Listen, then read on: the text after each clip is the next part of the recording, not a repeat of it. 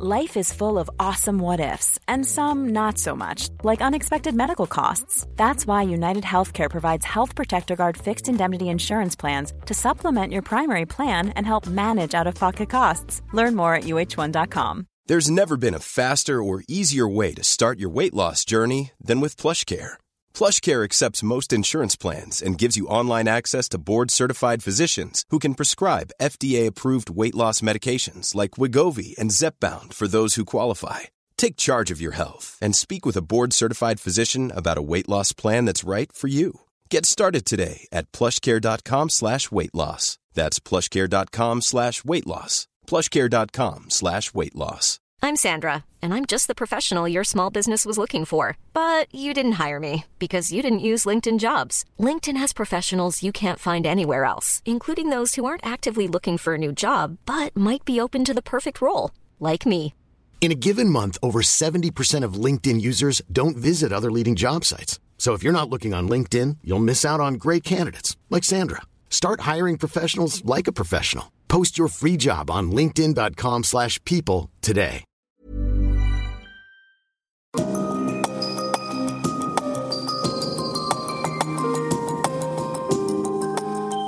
Du lytter til podkast fra Oslo Militære Samfunn.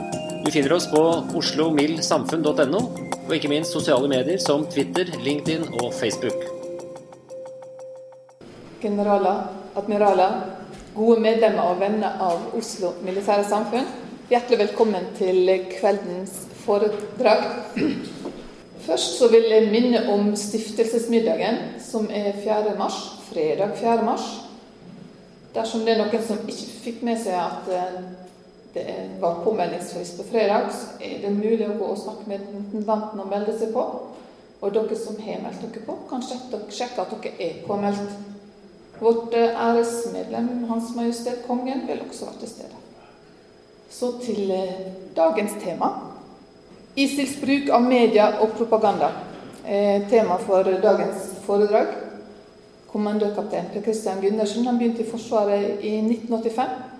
Han har operativ erfaring fra kystartilleriet og tjenesteerfaring fra Sjøkrigsskolen, Forsvarets operative hovedkvarter og Sjøforsvarsstaben. Han er i tillegg tjenestegjort både på Balkan og i Midtøsten.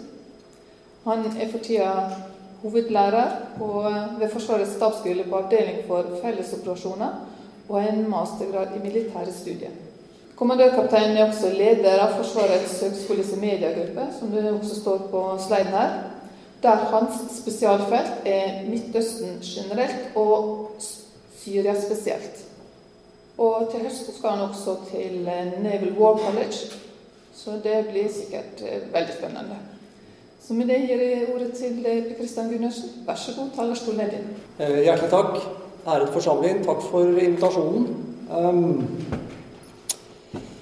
Jeg skal være student eh, på Naval War College. Jeg gleder meg til det.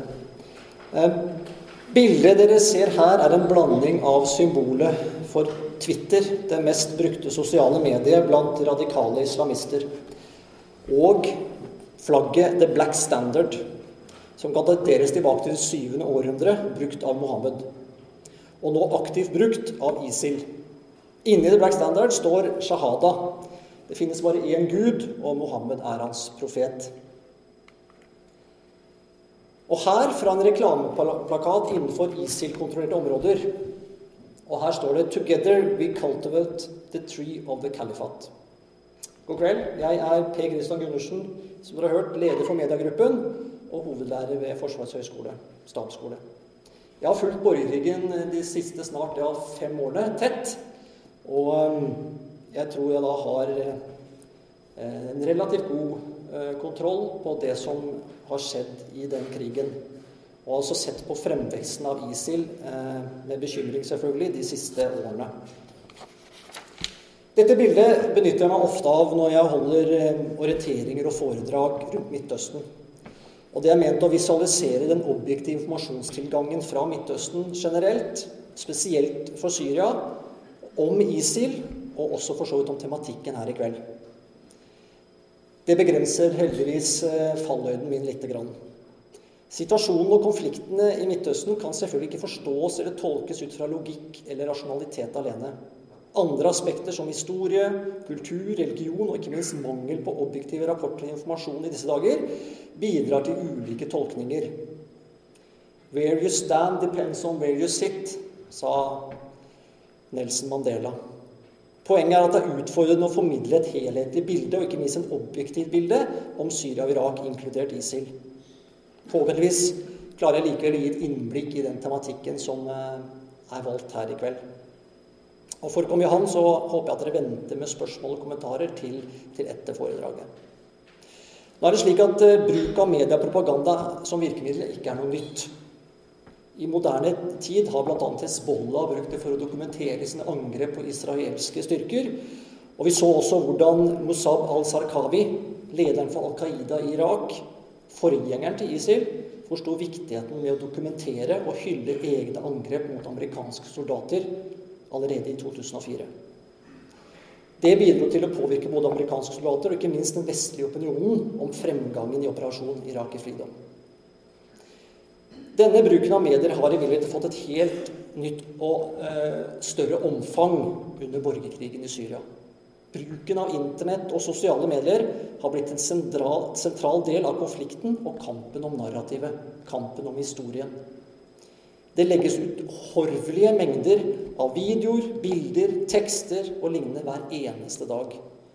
Alle har en smarttelefon og kan dokumentere kampene, grusomhetene, lidelsene og livet i disse krigsherjede områdene. Både opprørsgruppene og de syriske regimet har forstått betydningen av å dominere det kognitive domenet. Hvem kan fortelle historien og få fram sitt syn? hvor svært få objektive rapporter kommer ut. Det er imidlertid slik at ISIL har utviklet og raffinert metoder for å fremme sine budskap ytterligere. Og det skal jeg selvfølgelig prøve å fremvise her i kveld. Men først, la meg gi dere en restaurantversjon av hvordan ISIL ble en så betydningsfull aktør i Syria og Irak.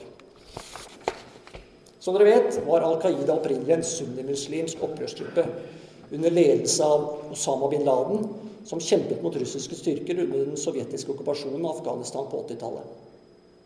Da USA gikk inn i Irak i 2003, ble det opprettet en rekke sunnimuslimske motstandsgrupper i kampen mot de amerikanske styrkene, bl.a. Al Qaida i Irak.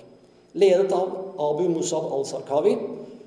Han ble imidlertid drept av amerikanerne i 2006, og Al Qaida fortsatte å operere i Irak mot det Shia-dominerte regimet i landet, og tok etter hvert navnet Islamic State of Iraq, etter en fusjon med andre radikale sunnigrupper.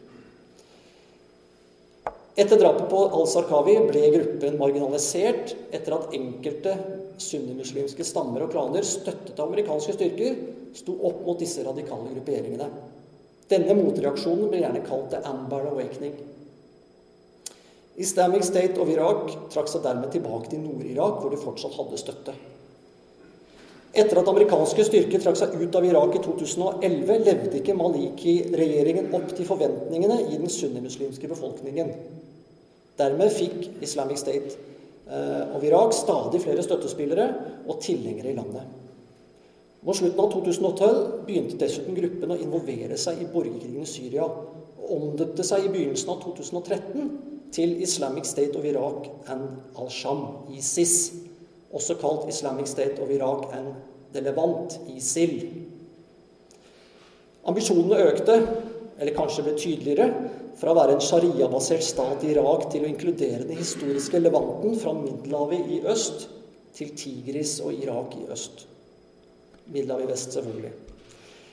De etablerte seg i Øst-Syria i løpet av 2013 og økte sin makt og innflytelse i dette området på bekostning av andre opprørsgrupper.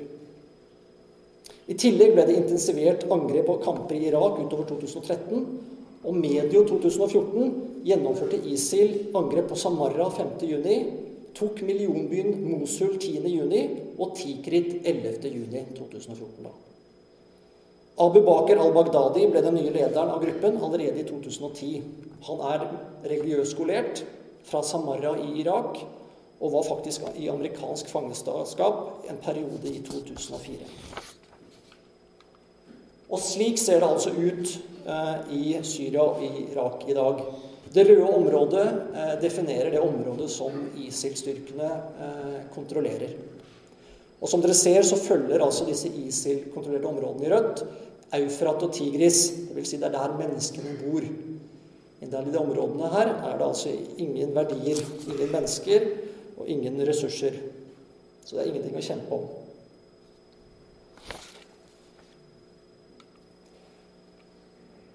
Det er mange aspekter ved ISILs propaganda og bruk av media. Jeg skal forsøke å gi et lite bilde av de ulike målgruppene. Hvordan ISIL er organisert, og hvilke medium som brukes. Jeg skal forsøke å gi et innblikk og tolkning av de ulike budskapene de fokuserer på. Og også kort helt avslutningsvis si litt om hvordan prinsipielt man best mulig kan møte denne ISIL-propagandaen. Men la meg likevel ta konklusjonen med en gang. De bruker uhorvelig store ressurser og avansert teknologi, både mediemessig og propaganda.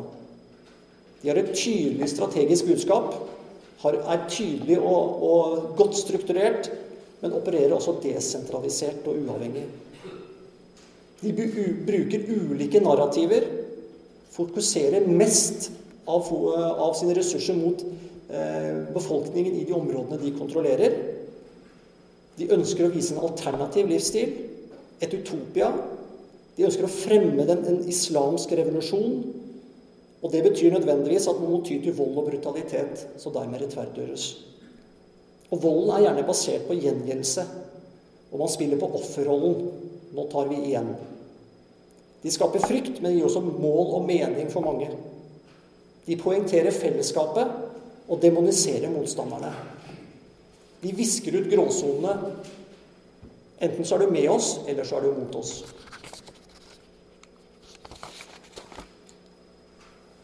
Som allerede nevnt har det skjedd en dramatisk utvikling siden Taliban smadret TV-er på 80-tallet, og fra bilder som dette, med stillestående filmer hvor Osama bin Laden taler om global jihad fra en hule et eller annet sted i Pakistan, til det vi har vært vitne til de siste årene, etter hvert som ISIL fikk et tydeligere fotfeste og territoriell kontroll på deler av Irak og Syria.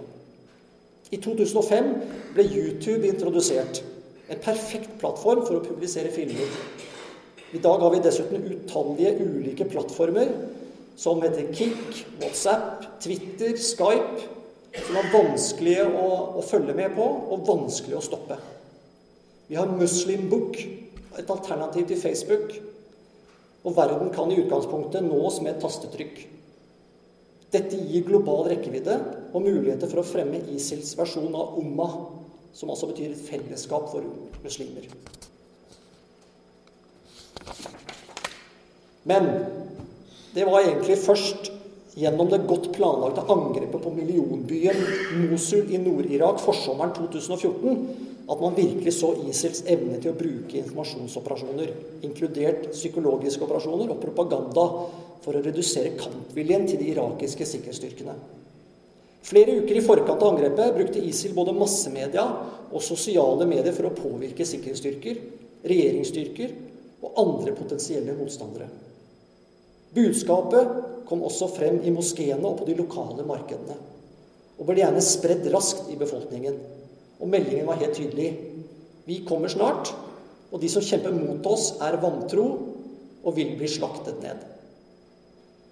I tillegg så ble budskapet underbygd av videoer og bilder av fangetatte syriske og irakiske soldater som ble henrettet. Og rundt 500 000 sivile irakere flyktet fra Mosul før kampene startet. Og brorparten av den irakiske hæren, som telte rundt 30 000 mann i området, flyktet sammen med dem. Dermed ble det en enkel militær operasjon å innta Mosul. En annen viktig begivenhet noe senere var selvfølgelig talen til den selvutnevnte kalifen Abu Bakr al-Baghdadi, som under ramadan og fredagsbønn 27.6.2014 i Mosul hevdet å være budbringer fra profeten Mohammed og annonserte seg selv å være lederen som hersker over alle, kalifen. Han adresserte flere målgrupper under denne talen. Han oppfordret alle muslimer å sverge troskap til kalifatet, og viste til at det var obligatorisk for alle sanne muslimer å delta i jihad. Han vektla at islam ikke var religion som forkynte fred, men som forkynte religiøs kamp. Al-Baghdadi siterte Koranen for å forsvare at grunnen for å bekjempe vantro frafalne er at de er fiender av islam og dermed en trussel mot den sanne tolkningen av religionen. Dette budskapet var ikke bare ment for de sanne troende, men også for de ikke-troende, for å la dem forstå at alle var rettferdige mål og ville bli drept og eller beseiret. Det var bare snakk om tid. Han inviterte dessuten alle rettroende til å delta i den islamske revolusjonen. Gjerne ved å komme til Syria og Irak for å bidra i dette prosjektet, men også for å bekjempe fiendene av ISIL der man måtte befinne seg. Og Dette budskapet er gjennomgående i all media-propaganda fra ISIL. Det er ingen gråsoner. Det er ikke noe tvil. Det er svart eller hvitt, rett eller galt, troende eller vantro. Og som jeg kommer tilbake til, virker dette selvfølgelig polariserende og, og rasjonelt for mange som ønsker enkle svar på vanskelige spørsmål i, i livet sitt. I tillegg må jeg nevne valg av navn på denne sunnimuslimske bevegelsen. I navnet ligger det et tydelig budskap. Altså, Hvem vet hva visjonen eller målsettingen til Al Qaida er, eller Al Shabaab? I navnet Islamic State ligger en tydelig visjon. En stat basert på sharia. Tolkede lover av skriftlærde fra de hellige skriftene.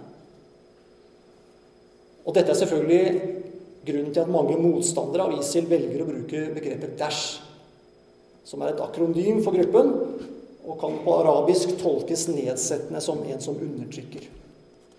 Men bruker man Dash i ISIL-kontrollerte områder, så blir man drept. Opprettelsen av kalifatet og The Islamic State ble etterfulgt av en 55 minutter lang film, 'Flames of War', i september 2014, som underbygde budskap, spesielt til et vestlig publikum. Jeg tenkte vi skulle se et lite klipp fra den filmen. Hvis det virker her.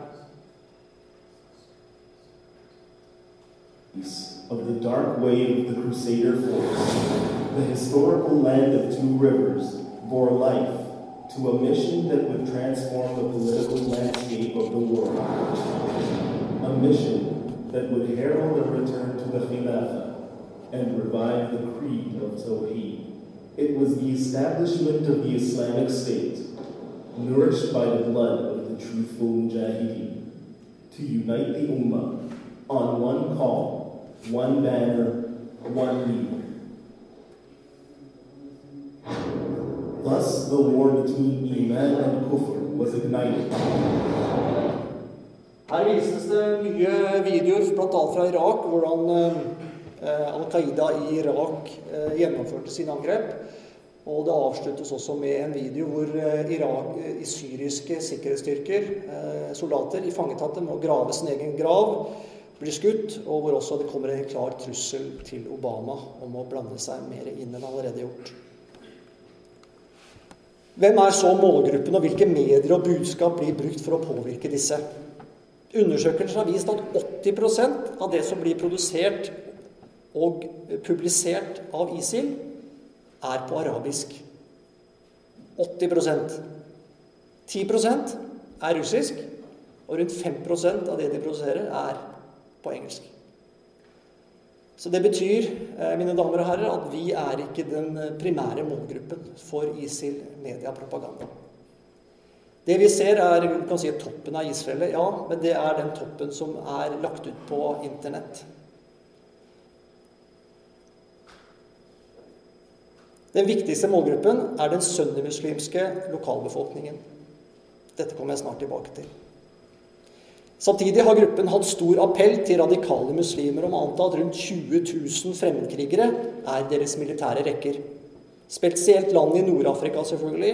På den arabiske halvøy, Russland, i Europa så har vi Frankrike, Storbritannia, Tyrkia og Belgia som godt representert.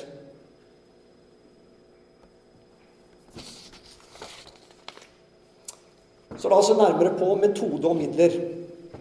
For det første ISIL media propaganda, som sagt, rettes det altså primært internt og lokalt. Og hva er så budskapet til denne målgruppen? Sentralt i ISILs propaganda står undertrykking og indoktrinering av befolkningen i, i egne områder. De markefører seg selv som rettferdig, med mer rettferdig brutalitet internt i disse områdene. Og det bidrar selvfølgelig til å skape frykt og hindrer opprør og dissens. Altså ISIL kontrollerer et område på størrelse med Storbritannia og rundt 8 millioner mennesker.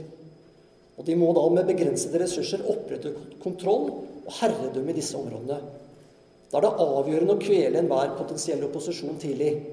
Offentlige henrettelser, avstraffelser og lemlestelser foregår jevnlig og blir dokumentert og offentliggjort. Brutaliteten er satt i system, og all motstand og avvikende atferd blir møtt uten nåde. Blasfemi, homofili og utroskap straffes med døden. Røyking med avkuttede fingre, tyveri, avkuttede hender. Og andre, andre forseelser med offentlig pisking. Angiveri er utbredt og blir belønnet.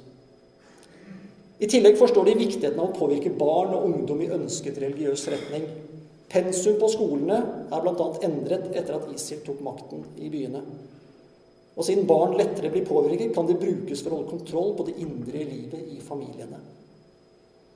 De har dessuten et stort kontrollapparat i de store byene, bl.a. med sharia-politi som går rundt i gatene og påpeker og, og følger opp lovbrudd. Det er dessuten feilaktig å tro at Israel har anledning til å bruke Internett for å påvirke egen befolkning i særlig grad. De har forbudt private, trådløse nettverk. Og det er, det er bare muligheter å få Internett på kafeer. Og da med streng kontroll. Mange områder har ikke Internett i det hele tatt i disse områdene. Media i ISIL-kontrollerte områder omfatter derfor daglige nyheter, primært nyhetsbrev, radio- og TV-programmer om ISIL-aktiviteter, humanitært arbeid, sosialt arbeid, militær framgang og ISILs egen tolkning av islam. Som dere ser av bildene, brukes offentlig henrettelser avstraffelser. Bruk av høyttalere, megafoner oppe til høyre her. Billboards langs veiene, midterste bildet til høyre. Og små informasjonsstands som er satt opp hvor man kan da hente ut pamfletter med, med riktig tolkning av islam. Det som er selvfølgelig urovekkende her, er hvordan man eh, indoktrinerer barna. Um, jeg skal vise dere en, eh, en videoklipp, en deler av en videoklipp filmet i Derasur øst i Syria. Og vise innledningsvis unge gutter i en koranskole. Deretter blir seks gutter stilt opp i en ring. Og som i et videospill løper de én og én opp til en gammel korsfarerruin. Får en pistol og gjennomsøker ruinene for å finne sitt offer. Sin spion som skal drepes. Og det er slik at Den sjette gutten eh, han dreper sin spion med kniv. Eh, videoen er selvfølgelig ekstremt urovekkende pga. barnas alder og måten den er filmet. Den er avansert, futuristisk og videospillaktig med bruk av flere kameravinkler og effekter. Eh, og Man får altså litt pop-up-innstillinger med informasjon og tilståelse fra ofrene rett før de blir henrettet. Dere får bare se et klipp av denne videoen.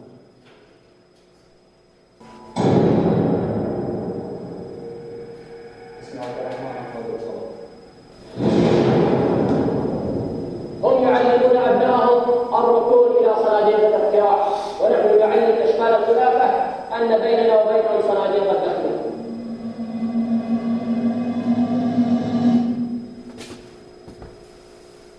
I dette lokalet så stopper vi filmen der. Men dette her er eh, Dette er ikke noe som er eh, ja, ekte, ekte, Dette her er ekte. Um, og det, det, viser hvordan de skyter det. De viser De fokuserer inn på, på, på disse ofrene etter hvert. Og det her er ikke ting man kan lage med, med spesialeffekter. Det andre aspektet som jeg har for så vidt litt, vært inne på litt, er allerede, er å belyse eh, denne propagandaen som er, har høy grad av kvalitet. Dere så den filmen jeg viste nå. Det her er ikke noe man gjør med et håndholdt kamera. I tillegg så er det kvantitet. ISIL har et svært effektivt media- og propagandaapparat. Og som dere ser av den øverste biten her sånn, så har de altså organisert seg gjennom sentrale mediehus ansvarlig for ulike typer medier. Radio, TV, Internett, magasiner. Mens det finnes under dette så finnes altså en desentralisert struktur med små mediekiosker, skur, biler med høyttalere som kjører rundt med sine budskap, utleveringer av CD-er og DVD-er, utlevering av pamfletter, oppklistring av plakater og postere rundt om i byene langs veiene. Og det gjelder ikke bare Syria og Irak, det gjelder også andre områder. Eh, man har sett hvordan man har delt ut pamfletter i London downtown. Og selvfølgelig i Libya og i Maghreb og andre eh, områder hvor det er eh, mye eh, ISIL-sympatisører. Det vi i Vesten ser, er selvfølgelig det som primært er laget for Internett. Men det meste som er laget, som sagt, er laget altså for lokal TV, radio, plakater, pamfletter osv. Og I tillegg så kommer denne påvirkningen i moskeene, i skolene og på markedene osv. Men likevel, så, så for å synliggjøre kvaliteten, så har jeg plukket ut en, en, også en filmproduksjon fra ISIL etter at de angrep og tok over Palmyra, en liten by øst i Syria, kjent for sine romerske ruiner, forsommeren 2015. Og Det vi ser her, er altså godt planlagt og regissert produksjon. Og en henrettelse som, av 25 syriske fangetatte regjeringssoldater. Um, dette er altså gjennomført i et gammelt amfiteater, romersk amfiteater. Så det har en sånn dramatisk virkelighetsteater over seg. Um, og budskapet er selvfølgelig også er rettet her til lokalbefolkningen som sitter disse, uh, på dette amfiteatret. Samtidig som det er et tydelig budskap til de syrisk-irakiske sikkerhetsstyrkene som, uh, som kjemper mot ISIL. ISIL dreper sine fiender. Og hvis ikke de har noe behov for fangene, så dreper de de. Og det er legitimt, fordi man per definisjon som sagt er vantro og en trussel mot den islamske staten. Også her bruker man altså unge gutter, og det er utrolig da for å synliggjøre at man kontrollerer også fremtiden.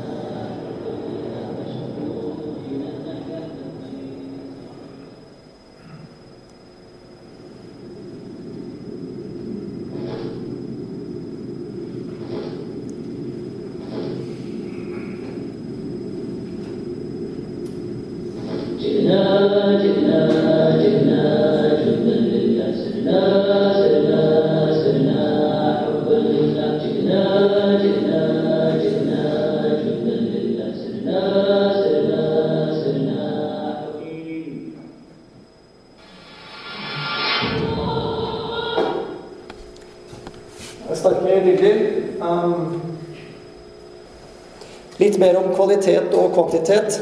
Her ser du nå de andre produktene som lages. På flere språk, selvfølgelig, ut fra hvilken målgruppe man ønsker å nå. Det er ulike magasiner. Og til høyre så ser dere der eh, nå det nye bildet. Eh, magasinet Davik. Dette er da det tolvte nummeret som kom ut rett etter Paris-terroren. Og som dere ser, står det 'Just Terror', altså rettferdig terror.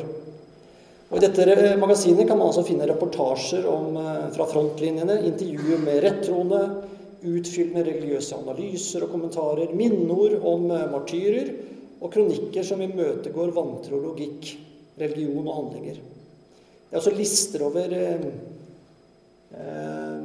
ti på topp-videoer. Eh, slik at man altså balanserer i dette bladet her en, en bilder og tekst i en ganske profesjonell layout. Og Under nummer 13 her, som er altså bildet av her, kom altså ikke ut for lenge siden. Og da er det altså referanse til Just Terror igjen. Og en hyllest til de som deltok. Og konstruert som en filmplakat. Som får si 'Coming soon to you'. Her er et annet eksempel. En hyllest til ekteparet som drepte 14 og skadet 22 vantro i San Berdino, California 2.12. Og igjen her er det jeg snakket om i forhold til å ha ti på topp. Der kan man gå inn og så kan man finne videoer som er da anbefalt å se. Og dette, disse magasinene her er public relations. Dette her er som like profesjonelt, vil jeg si, som mye av det man finner altså på Narvesen. Det er utdannende. Altså Tolkning av Koranen, islamske ord og begreper, det er kanskje middelaldersk i tolkningen, men det blir fremstilt her og forklares i en moderne og lettfattelig eh, måte. Det tredje aspektet. Flere undersøkelser har vist at over halvparten av propagandaen er fokusert på hverdagslivet i den islamske staten. Det beskrives med bilder, film og tekst om det enkle, men gode livet i områdene kontrollert av ISIL, hvor man praktiserer en ren, ren religiøs hengivenhet. Man ønsker å fremstille Utopia med velfungerende statsinstitusjoner, lov og orden, gode helse- og sosialtilbud, utdanning, sånn sett for å legitimere egne anlegger.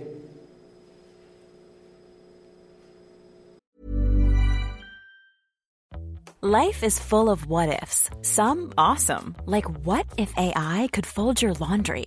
And some, well, less awesome, like what if you have unexpected medical costs? United Healthcare can help get you covered with Health Protector Guard fixed indemnity insurance plans. They supplement your primary plan to help you manage out of pocket costs. No deductibles, no enrollment periods, and especially no more what ifs. Visit uh1.com to find the Health Protector Guard plan for you. Millions of people have lost weight with personalized plans from Noom, like Evan, who can't stand salads and still lost 50 pounds. Salads, generally, for most people, are the easy button, right? For me, that wasn't an option. I never really was a salad guy. That's just not who I am. But Noom worked for me. Get your personalized plan today at Noom.com. Real Noom user compensated to provide their story. In four weeks, the typical Noom user can expect to lose one to two pounds per week. Individual results may vary.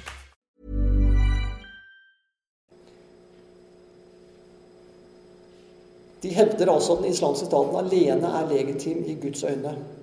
Og gjennom skildringen av tilsynelatende normal hverdagsliv, med alle fasetter av livet i kalifatet, fra avhandlinger om jihad og martyrdom til artikler om landbruk, kamelavl, rammemakere, håndverkere og videoer som viser gjennomføringen av islamske statens visjon om sharia, er altså man i stand til å skape og dyrke en omfattende bilde av dette utopia.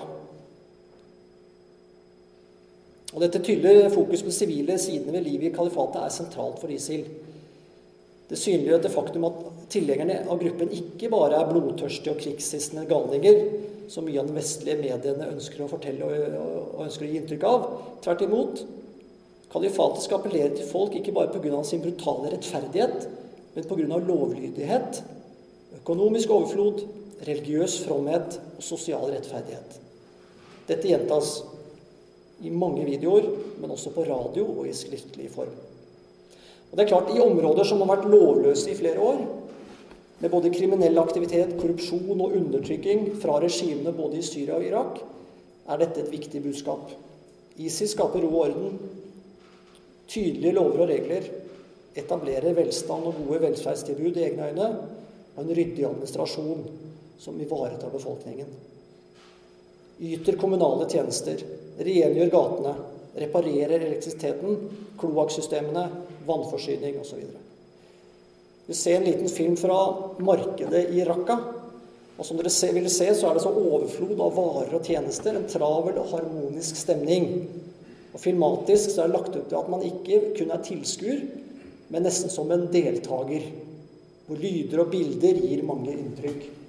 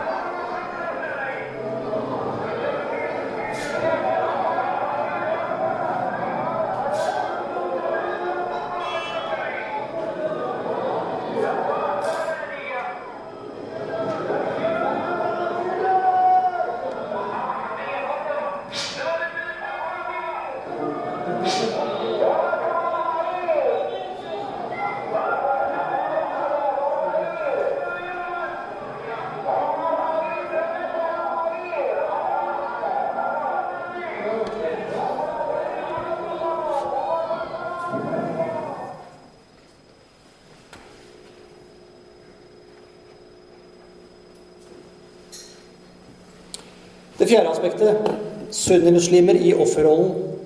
ISILs budskap er basert på at sunnimuslimer har vært og er fortsatt offer for vestlig imperialisme, maktmisbruk og undertrykkelse. Mye av propagandaen er rettet mot man, er lenger, eh, man i, i lengre tid har vært undertrykt, og at man kun forsvarer seg rettmessig mot alle motstandere, og spesielt mot en tydelig definert vestlig imperialisme. Og man trekker gjerne forbindelse 1000 år tilbake i tid med henvisning til korsfarerne. Volden som fremvises, er dermed basert på gjengjeldelse og øye-for-øye-logikk. I mange av sine mest kjente brutale videoer er offerrollen tett sammenvevd med den straff som følger. Budskapet er enkelt. Det er Vesten mot araberne, jøder mot araberne, kristne mot sunnimuslimer, shia mot sunnimuslimer. Så egentlig alle mot arabiske sunnimuslimer. Det femte aspektet. Det er viktig å fremvise den islamske revolusjonen og kampen, krigen, fremgangen. Krigen er den islamske statens eksistensgrunnlag, dens primære middel til endring og revolusjon. Uten krig som et propagandatema vil den islamske staten miste grunnlaget som binder det sammen. Jihad, definert som krig, er sentralt i budskapet. Det handler om en eh, muslimsk revolusjon og krig mot alle som forsøker å ødelegge for denne prosessen. De er avhengig av konflikt med sine omgivelser for å skape sympati og høste støtte. Og En stor andel av den militære propagandaen viser ISILs utmattelseskrig, med bombekastere og raketter blir avført mot en usynlig fiende. Disse lavrisikoangrepene er trolig feilaktig koreografert for å videreføre en eh, følelse av ISILs kontinuerlig eh, framgang. At de hele tiden er på offensiven. Og det vet vi per definisjon at det ikke er tilfellet lenger.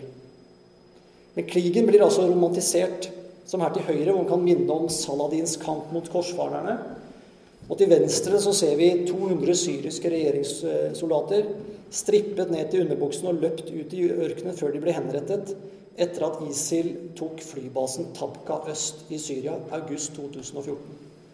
Både angrepet, ifangetagelsen og henrettelsene ble fyldig dokumentert.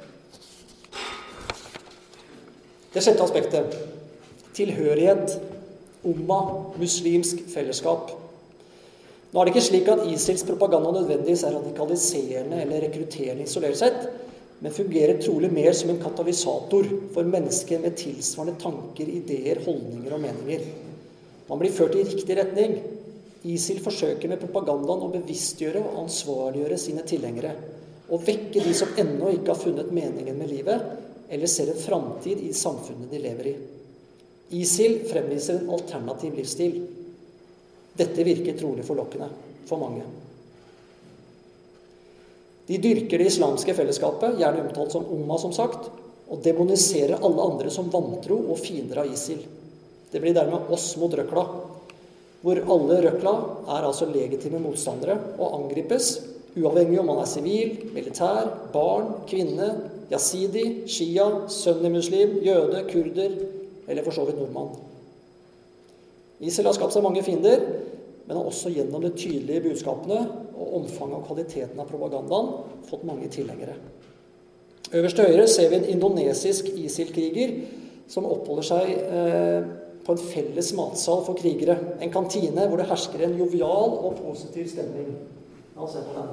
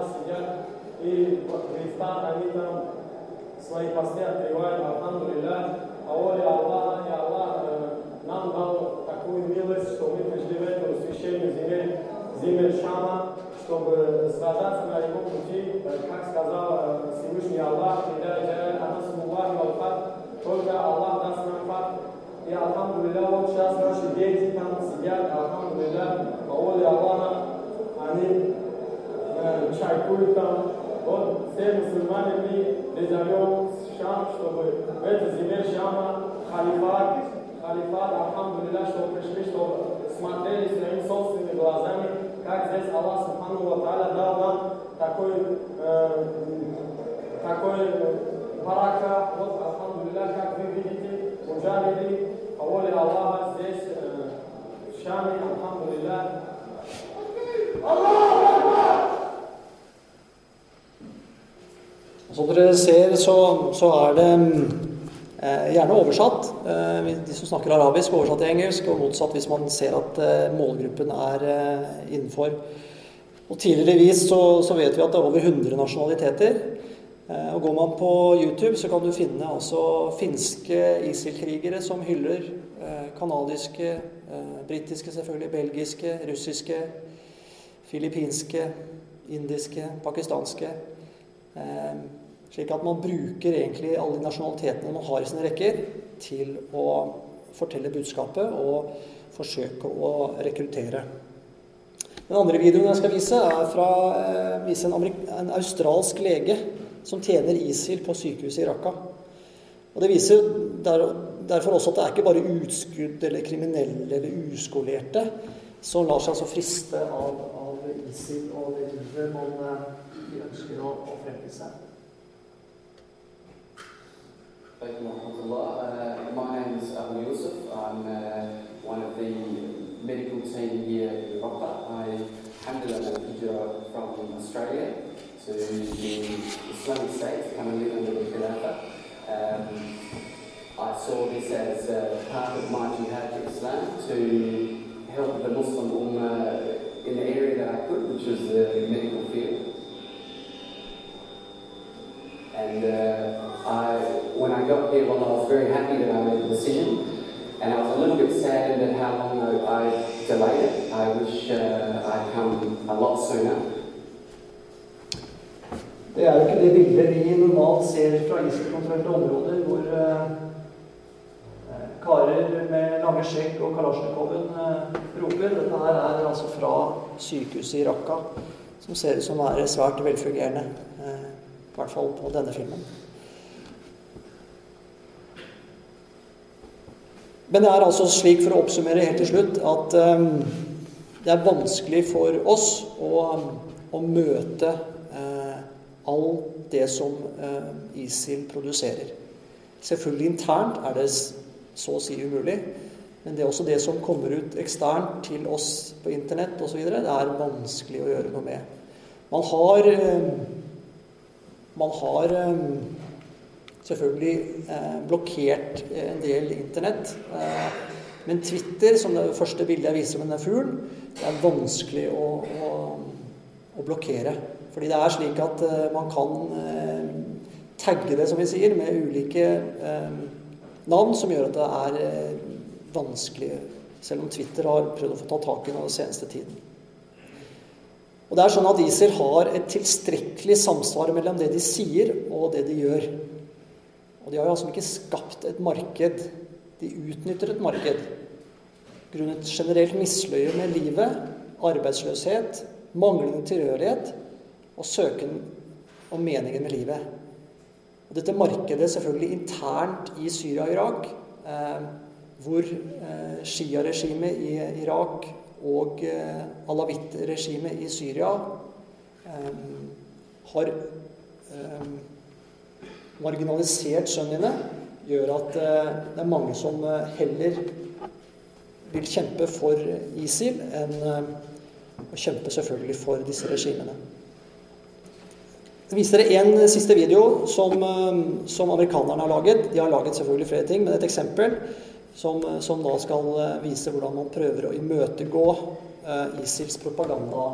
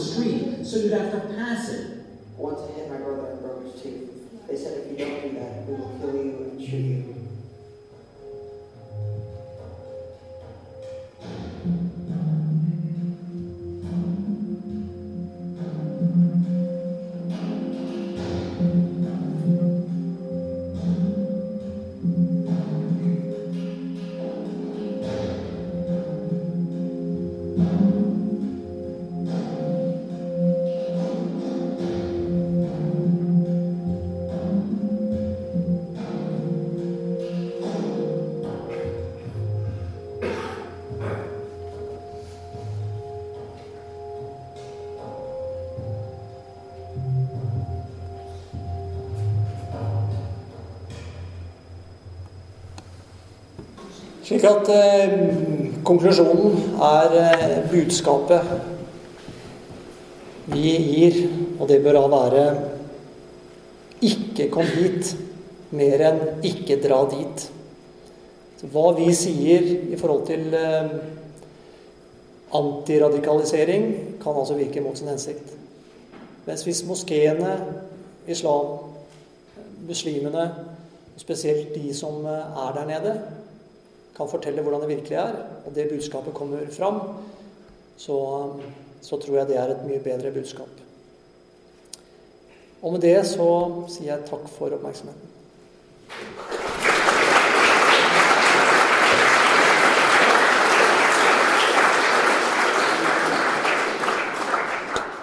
Den som har anledning til å stille spørsmål. Det er Jan Erik Karlsen, funksjonert generalmajor. Blir litt uvel av disse, disse bildene. Og det bringer meg tankene mine går litt tilbake til uh, Libanon-tiden. Det er mange det er fra i salen her i dag. Det er ikke så langt unna disse stedene du har vist oss i dag. Og vi var jo vant til å forholde oss til en 12-15 forskjellige sånne konspirasjoner. Og kanskje Hizbollah var de vi fryktet mest når de rykket inn i området vårt. Det som forundrer meg litt, det er hvorfor er det så stille i Libanon? Det, der har det jo bestandig vært bråk og spetakkel. Det er ganske nærme. Det ser ut til Man hører i hvert fall ikke om at det skjer noe der som kan ligne noe som helst på det vi har sett her. Har du litt å fortelle om uh, hva som kan være situasjonen der? Ja. Det er to aspekter jeg kan tenke meg, general. Det første er at Hezbollah er svært engasjert i borgerkrigen i Syria. Flere tusen Hezbollah-krigere kjemper på Assads side. Og spesielt nå eh, hvor russerne har intensivert sin bombekampanje i nord, så er det Shia-militser fra Iran pluss Hezbollah som går gjennom eh, ja, egentlig siden slutten av 2012 har bidratt og blitt en mer og mer konvensjonell eh, styrke faktisk i forhold til hva de var. Eh, og de opererer relativt autonomt, men selvfølgelig har ansvaret for grensen til Libanon mellom Syria og Libanon. Eh, den viktige strategiske linjen mellom Damaskus opp mot Hamas. Det andre aspektet, eh, som kanskje noen sier det jeg sier, er at eh, Libanon har tatt imot over en million flyktninger fra Syria. Slik at den skjøre balansen mellom kristne, eh, sunni og shia eh, sånn sett, i Libanon fra før av har ikke blitt mindre skjør. Du tar imot eh, altså Av fem millioner så tar du imot over en million flyktninger.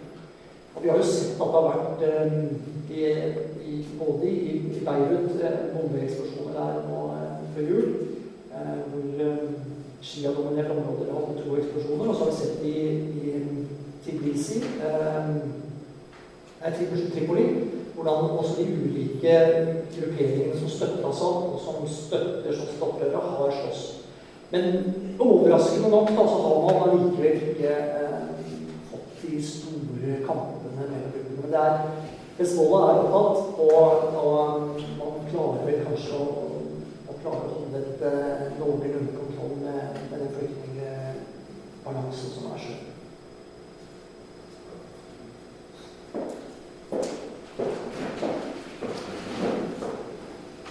Trygve Tellefsen, i tråd med Karlsen, så er jeg også en pensjonert generalmajor. Jeg har eh, tre spørsmål. Det ene er eh, Jeg har hørt at de har greid å etablere en egen valuta. Kunne du si litt om det? Og så har jeg også inntrykk av at i forhold til andre terrororganisasjoner så får de, har de maktet til å være tiltrekkende også for kvinner og har et eget uh, kvinnepolitikorps. Og det siste er eh, med tanke på det som har skjedd nå i München med en viss avtale mellom både Russland og USA om å prøve å finne løsninger på eh, hvordan man skal angripe terroristene i Syria spesielt. Hvordan man ser ISIL på akkurat det. Um, det er helt riktig. De har laget sin egen myntenhet av rent gull. Um, det er et propagandastunt, for det vil altså aldri fungere. De har altså ikke en, en, sånn sett, en, en sentralbank. Altså Her er det byttehandel som gjelder. Eh, det å tro at man da kan ha en sånn gullbeholdning med denne mynten og liksom fungere som en sånn stat, eh, det er jo en utopi. Eh, så ja, de, de, de, har vist både i dette bladet Davik og i filmer så ser du hvordan de produserer disse gullmyntene. da at du skal ta for vestlig valuta og være en ren islamsk eh, som kan brukes i disse, dette området. Eh, når det gjelder kvinner, ja, de har eh, fokusert en del av propagandaen for å rekruttere kvinner. Det har vi sett også. Hvordan på Twitter hvordan kvinner legger ut gladbilder fra Raqqa hvor de spiser Nutella og står og koser seg og er liksom, lever livets glade dager. Eh, og man kan få det man ønsker seg. Det var jo norske kvinnelige islamister som reiste ned, og som, som sa veldig flott at eh, hun hadde fått en kjempefin leilighet i Raqqa. Og spørsmålet fra, fra en, som, en journalist i kronikk i VG sa at hvem var så bodde der før deg? Altså, noen bodd der før deg, måtte rømme. Så det, det, er Ja, de prøver å rekruttere kvinner. Um, for det er klart det er en, en mannsdominert uh, kultur i utgangspunktet. Man trenger flere. Uh, og, og gitt inntrykk av at man er på en måte en, en, en islamsk revolusjon med alle aspekter. Med kvinner, barn, menn, familie osv. Uh, det siste aspektet ditt er jo Selv om nå Russland og USA tilsynelatende har blitt, har blitt noe enere så er det jo slik at man blir man er ikke blitt enige om kanskje det viktigste aspektet av hva skal vi gjøre med Assad. Eh, russerne anser Assad til å være en del av løsningen fordi han er den nærmeste allierte de har i Midtøsten. Amerikanerne anser å være en, del av problemet. Fordi det er han som har påført eh, sin befolkning mest lidelse. Og det er også selvfølgelig eh, tolkningen og slik den syriske befolkningen ser det. Så de er ikke interessert i at Assad skal sitte Samtidig så innser de fleste at vi ønsker ikke et Irak igjen, hvor måte, man måtte starte helt fra bånn og etablere en informasjon om noen statsinstitusjoner. Man ønsker å opprettholde statsinstitusjoner i Syria. Og kanskje se en overgangsperiode hvor Assad får sitte, men han kan fases ut og gir et klart signal til opprørsgruppen at ja, Assad skal gå, men vi må ha litt tid for å holde strukturen nå har Assad gått ut og sagt at eh, vi kommer til å ta tilbake hele landet igjen. Eh, det tar bare litt tid. Han forhandler ikke med terrorister. Så han har jo lært av sin far, som ble kalt Svinsen i Damaskus, som gikk til hver forhandling uten å inngå noen kompromisser. Så det blir spennende å se utover. Og så har jo nå det har konfliktnivået økt nå, da. Både Tyrkia og Saudi-Arabia er tydeligere på banen at de ikke godtar det som skjer nå. For de har jo støttet disse opprørsgruppene som nå russerne under og marginaliserer. Det er ikke noe tvil om at Russland og Assad sitter med de beste kortene i fremtiden til Syria.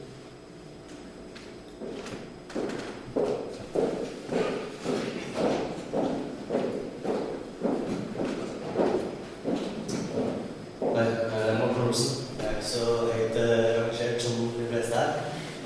Men jeg har noen spørsmål. Eh, Hva kan Norge som eh, et forsvarsmakt eh, gjøre med profeten Sunna og ideologien deres? Og hvorfor får de eh, holde på å proklamere eh, IS eh, uten at vi kan gjøre noe? Uten at eh, Det virker ikke som at eh, vi gjort så veldig mye. Vi vet at det er religionsfrihet og sånne ting, men eh, jeg tenker at skulle det skje en terroraksjon her i Norge, så er det kanskje den veien vi vil se, og hva er det vi kan ja, gjøre for at det ikke kan skje. I utgangspunktet så er det et enkelt svar. da, Det er en politioppgave. Vi er ikke ansvarlige for, eh, for eh, indre sikkerheten. Men så har vi en grenseganger i forhold til terror. Der har det slik seg at vi eh, Forsvaret støtter eh, bistandsanmodninger fra politiet. Det er politiet som leder, mens vi kan stille ressurser til rådighet hvis det skulle være nødvendig. Fordi flere av IS-tilhengere, og på en måte de truer jo våre, våre verdier. Så, ja. Det er politioppgave i utgangspunktet. Mm. Og så må det være et samarbeid, selvfølgelig. Eh,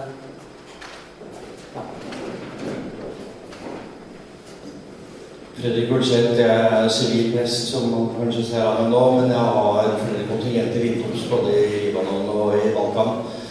Eh, takk for et godt foredrag. Eh, et bekymringsfullt spørsmål ut ifra erfaringene jeg har gjort for oss eh, på bakken både i Libanon og i Balkan. Det er nettopp det du har så tydeligvis hvordan de indoktrinerer barn. Eh, vi har sett hvordan hatpropaganda gjennom generasjoner har slått ut i Israel- og Palestina-konflikten. Vi så det i Libanon. Hvilke tanker har man gjort seg strategisk om, gitt at vi klarer å ta ut uh, IS ISIL på bakken og få en slags uh, fred igjen? Uh, så vet vi jo da at da vil jo denne mange årskull. Hvilke tanker har man gjort seg på, mm, i militær setting, i sivilmilitært samarbeid for å komme det til livs? For man er vel snart oppmerksom på at man også må gjøre noe med slike sider ved en konflikt, og ikke kun militære. Et veldig, veldig godt spørsmål. Eh, Jeg har ikke svaret. Jeg, jeg vet ikke hva man har gjort eh, før. Og det, det er jo slik at selv om vi hadde fjernet ISIL i dag, så hadde vi altså ikke fjernet eh, nødvendigvis eh, Eller det var ikke nødvendigvis skapt fred. Altså det vakuumet når isen forsvinner, må fylles av noen andre. Eh, og vi tatt det vekk i dag, så hadde andre grupperinger, også kriminelle og kommunister, tatt over det området. Og jeg er helt enig der. Jeg tror det er altfor lite fokus i, eh, i forhold til barna oppi dette. Eh, også de som er traumatisert av, av de som kommer flyktningveien. Eh, kjempeutfordring. Og Det er klart at det er jo noe av det de fremviser her, når de får altså åtte år gamle gutter til å skjære hodet av voksne menn. Eh, jeg tenker at Hvordan skal vi takle det i fremtiden? da? Eh, altså, så du får de tilbake til eh, å være så traumatisert barnesoldater. Men det er en utfordring til dere da, som arbeider strategisk og analytisk, at også dette bringes inn i problemfeltet, og man ikke bare tenker eh, overleving Nei, jeg er helt enig i det. og jeg, tror, det har jeg for sagt på Dagsnytt at hvis man hadde brukt like mye penger på å jobbe med de muslimske miljøene i Europa som man brukte på eh, de bombene man slipper over ISIL og kontrollerte områder, så tror jeg man har kommet lenger, da. Eh, Det koster, koster Maverick koster 250 000 US dollar. Det kommer ganske langt i, for å fremme eh, de moderate kreftene i islam i et, i et område for det. altså. Poeng.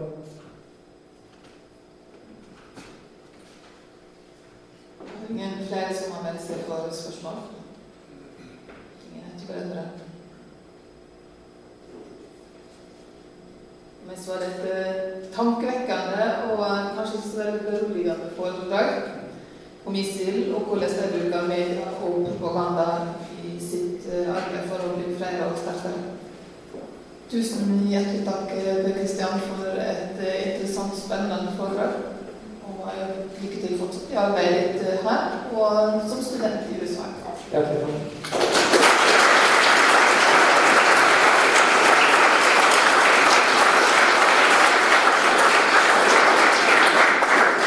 Neste uke er det også et spennende tema.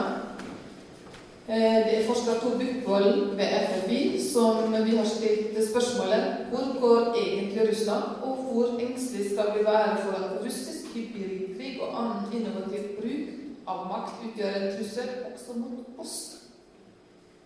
Så det er ingen grunn til å ikke komme da også. Og med det så takker jeg for kveld. Ønsker dere alle en eh, flott kveld. Enten her eller hjemme. Og vel bekomme neste måned. Takk.